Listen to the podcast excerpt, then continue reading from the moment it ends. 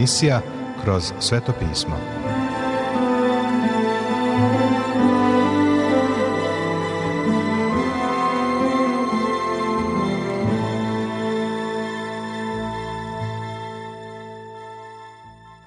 Dobroveče, poštovani slušaoci i dobrodošli u još jednu emisiju programa Kroz sveto pismo, programa koji je za vas napisao Vernon McGee, a pročitao Branko Bjelajac.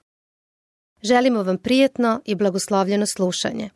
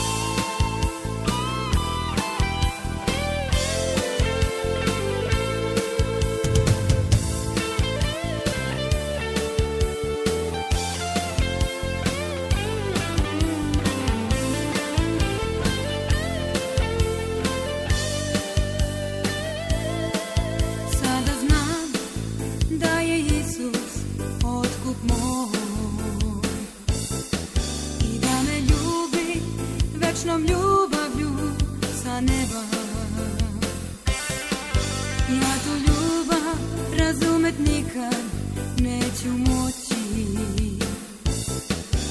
Ali je ipak oko sebe osjećam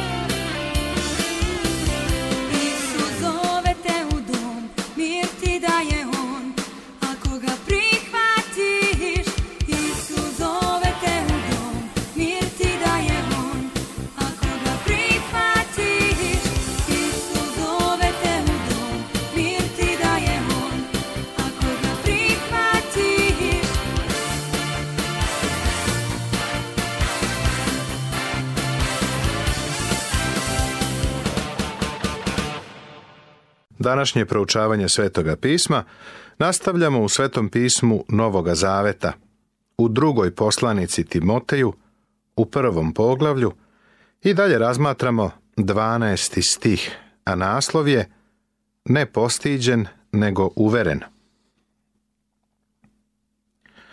On je kadar sačuvati do onoga dana dobro koje je meni povereno. Doslovno to je depozit. To znači da je apostol Pavle deponovao svoju veru u Hrista do sudnjega dana. Ovo može i da znači da je Bog kod mene deponovao nešto.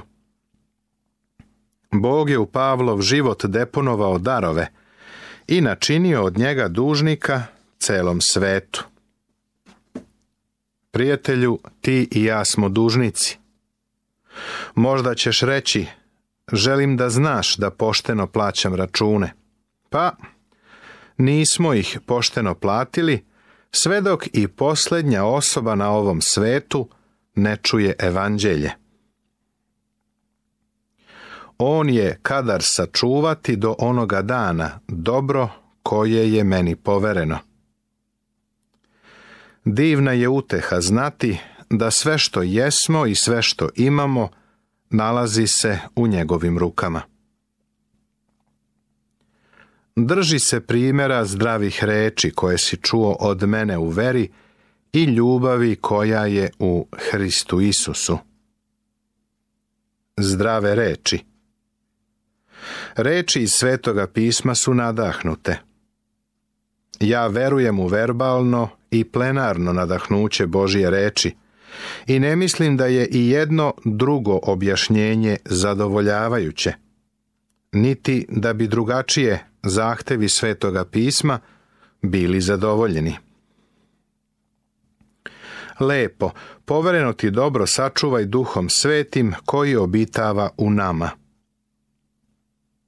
Važno je vidjeti da hrišćani mogu da žive jedino u sili svetoga duha –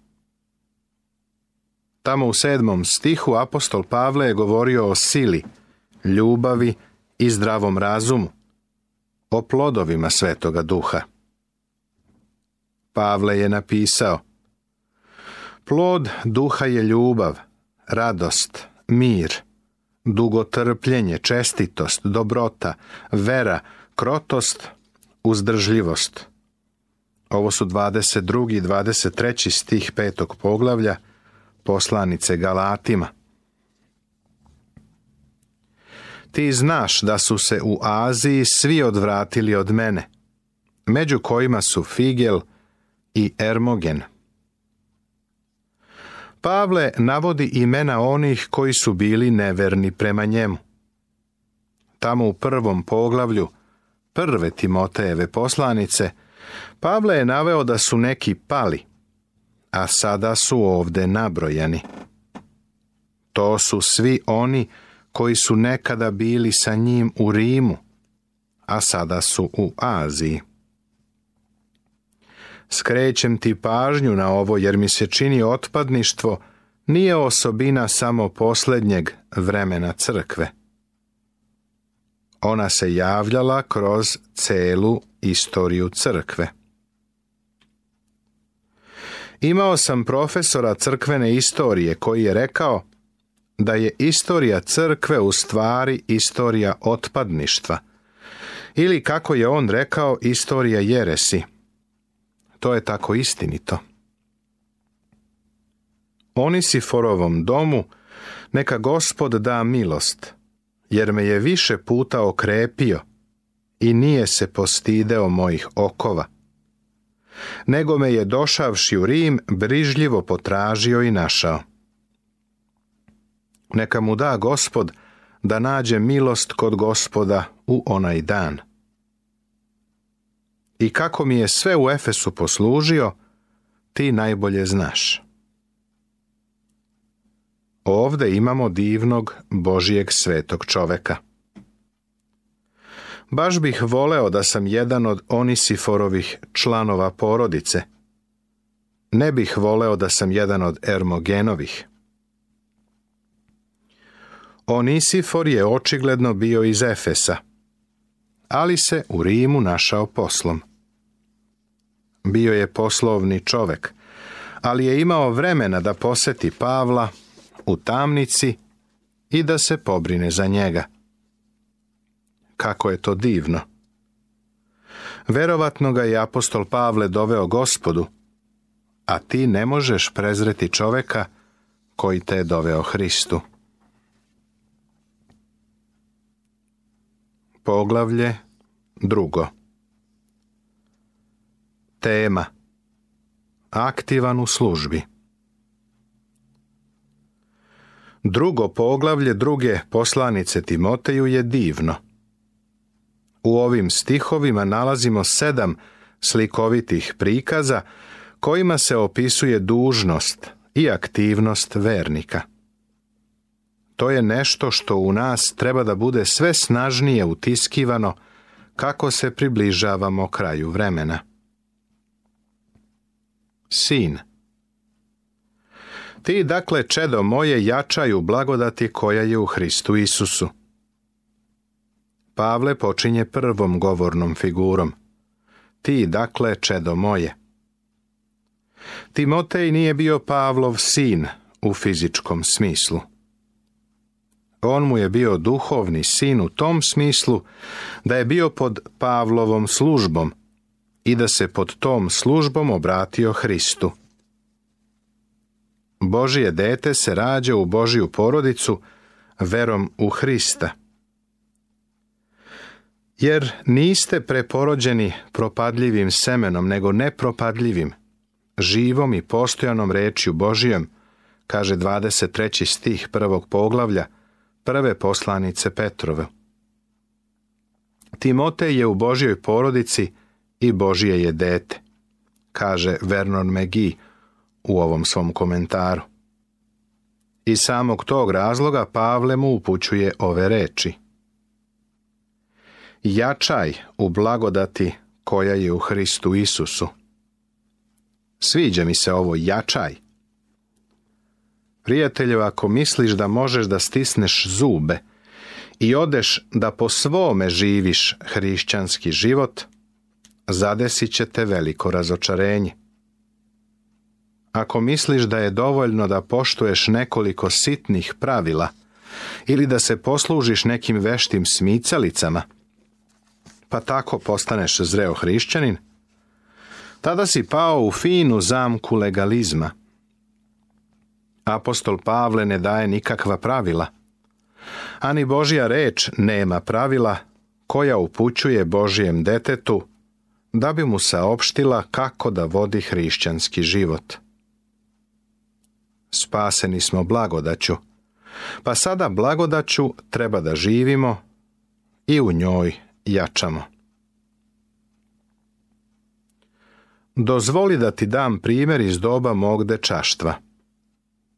Moj tata je poslovno mnogo putovao i uvek je ostavljao neka pravila koja sam morao da poštujem dok je odsutan. Neka od njih sam poštovao. Sekao sam drva, to mi nije smetalo. Jednom smo imali neko mesto na kome je bilo mnogo drveća, pa sam baš uživao u sečenju drveta za potpalu. Ali moj tata je postavljao i neka druga pravila, koja mi se nisu sviđala. Mrzim da to priznam, ali jedno od njih je bilo da moram da idem na veronauku nedeljom. Zanimljivo je to da on sam nikada nije išao u crkvu, a mene je stalno terao. U svakom slučaju, kad god je bio odsutan, ja nisam išao. Jednom sam bio na pecanju, a on se iznenada vratio i našao me. Samo što sam bio izvadio ribu, okrenuo se, kad tu stoji moj tata. Pitao me je, sine, imaš li sreće? Moja sreća je tog trenutka pobegla. Priznao sam mu, da sam pogrešio, a on je na svu sreću ipak bio pažljiv prema meni. Rekao mi je, doneo sam kući fišek slatkiša za tebe i tvoju sestru. Podelite. Mislio sam da ti ih ne dam, ali ipak hoću. Baš sam umeo da iskoristim njegovu dobru narav i činjenicu da sam mu sin. Moj otac je umro kada sam imao 14 godina ali sada imam nebeskog oca i pozivam se na njegovu blagodat. Kada ovde dole stvari krenu naopako, odem kod njega i pozovem ga u pomoć.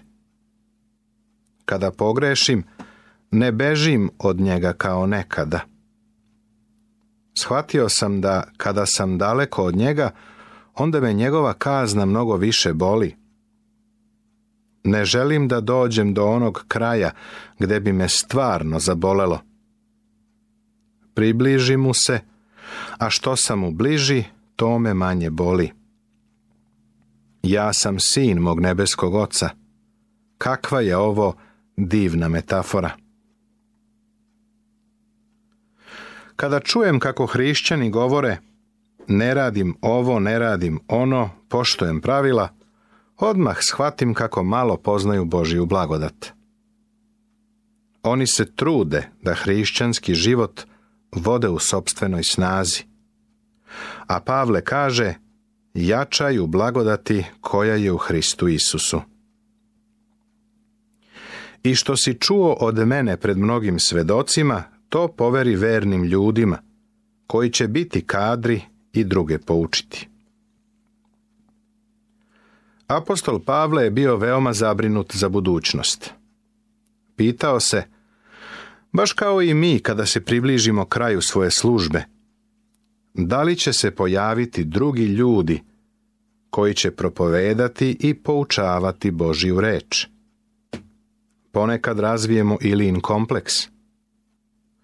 Kada sam bio pastir u Los Angelesu u Americi, vapio sam kao Ilija, o gospode, ostao sam samo ja jedan – ali sam onda uvideo da to nije istina.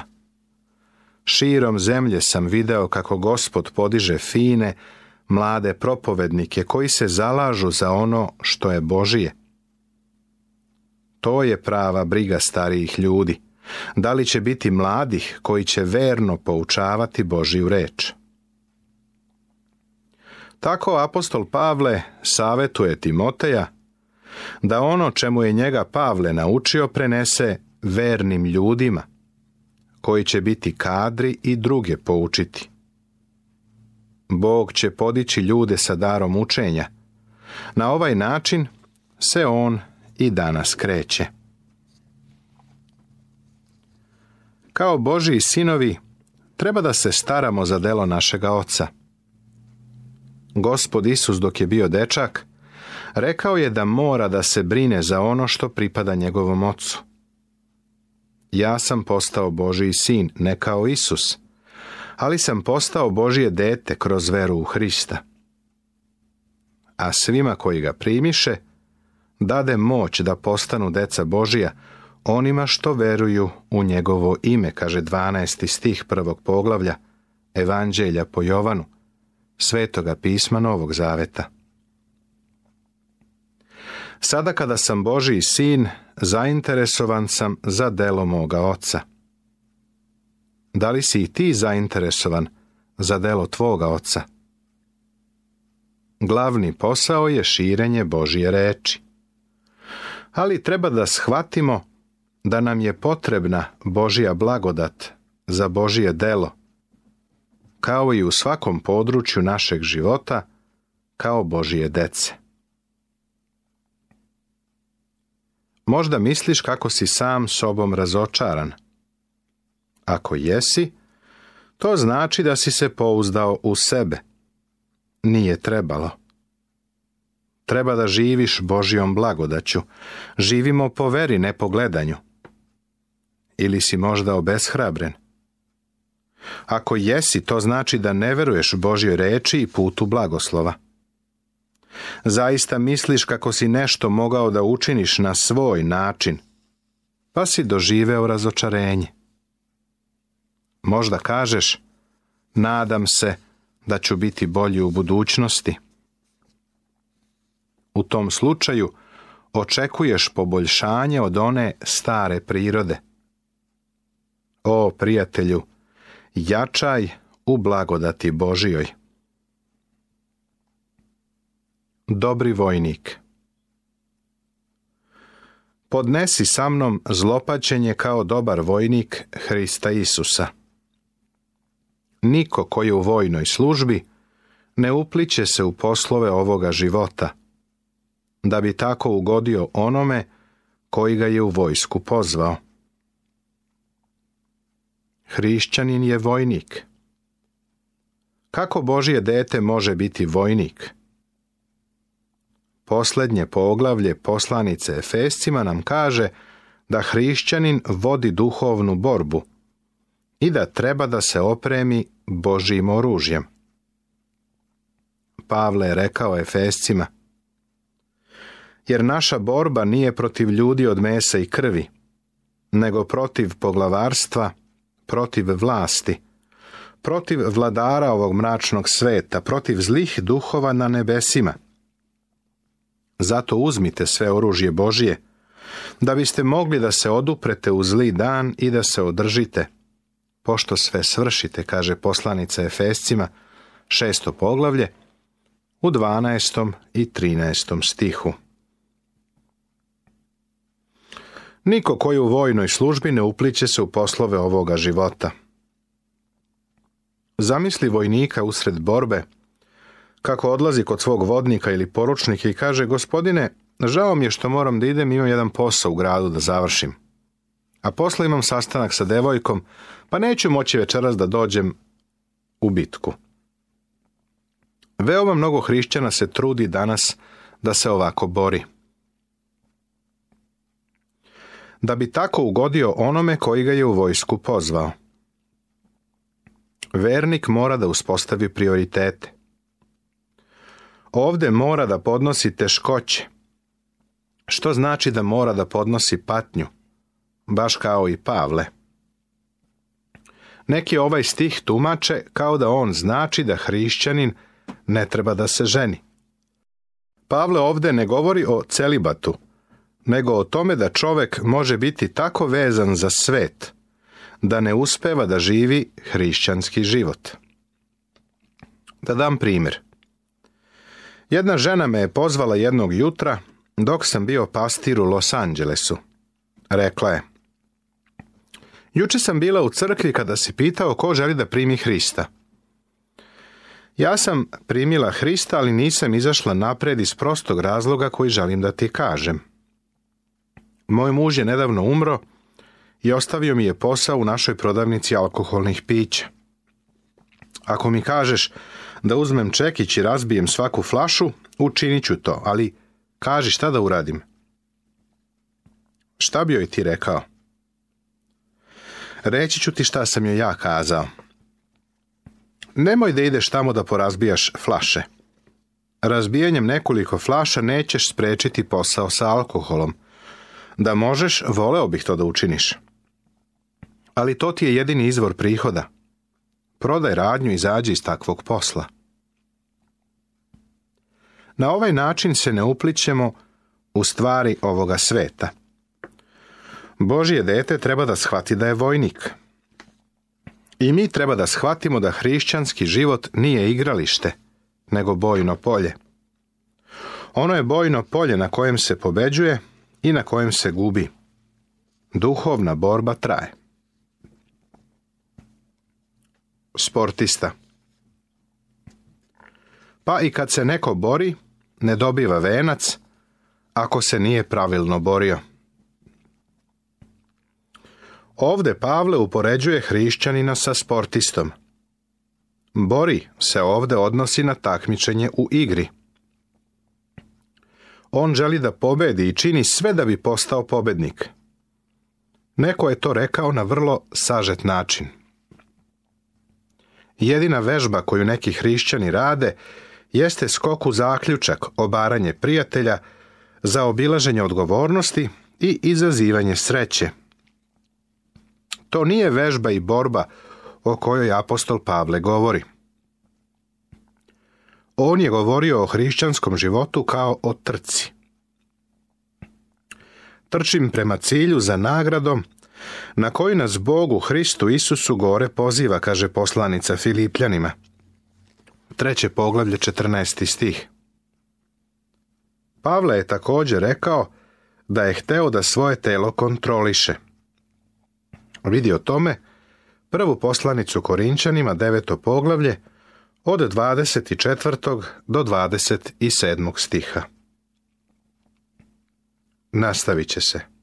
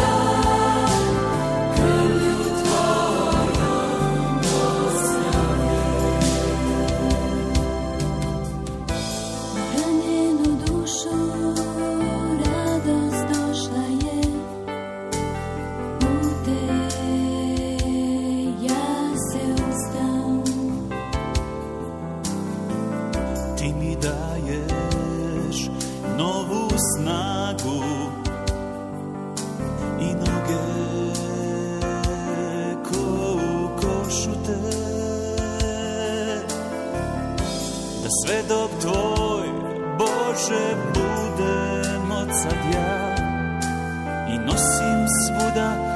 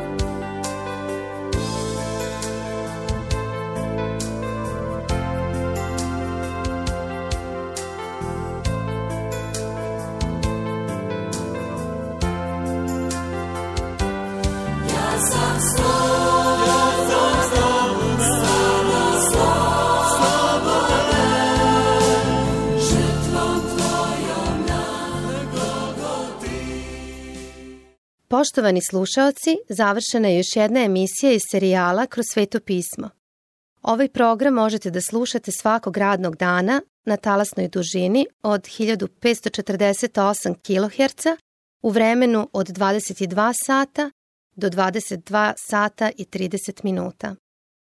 Ukoliko želite da nam se javite, da nas pohvalite ili pokudite, da nam predložite izmene kojima bismo mogli da poboljšamo naš program – ali i da vas nagradimo kakvom dobrom hrišćanskom knjigom, Novim Zavetom ili celom Biblijom.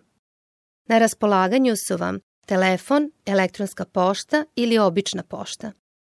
Broj našeg telefona je plus 381 062 396 331. Adresa redakcije glasi Poruke, Poštanski fah 37 11060 Beograd. Elektronskom poštom nas možete kontaktirati na krosvetopismo at gmail.com. Također, pripremili smo vam i web stranicu na kojoj možete pronaći sve naše programe. Adresa web stranice je www.twr.com serbija.org. To bi za večeras sa naše strane bilo sve. Pozdravljaju vas i žele vam Boži blagoslov Branko, Nebojša i Monika. Laku noć.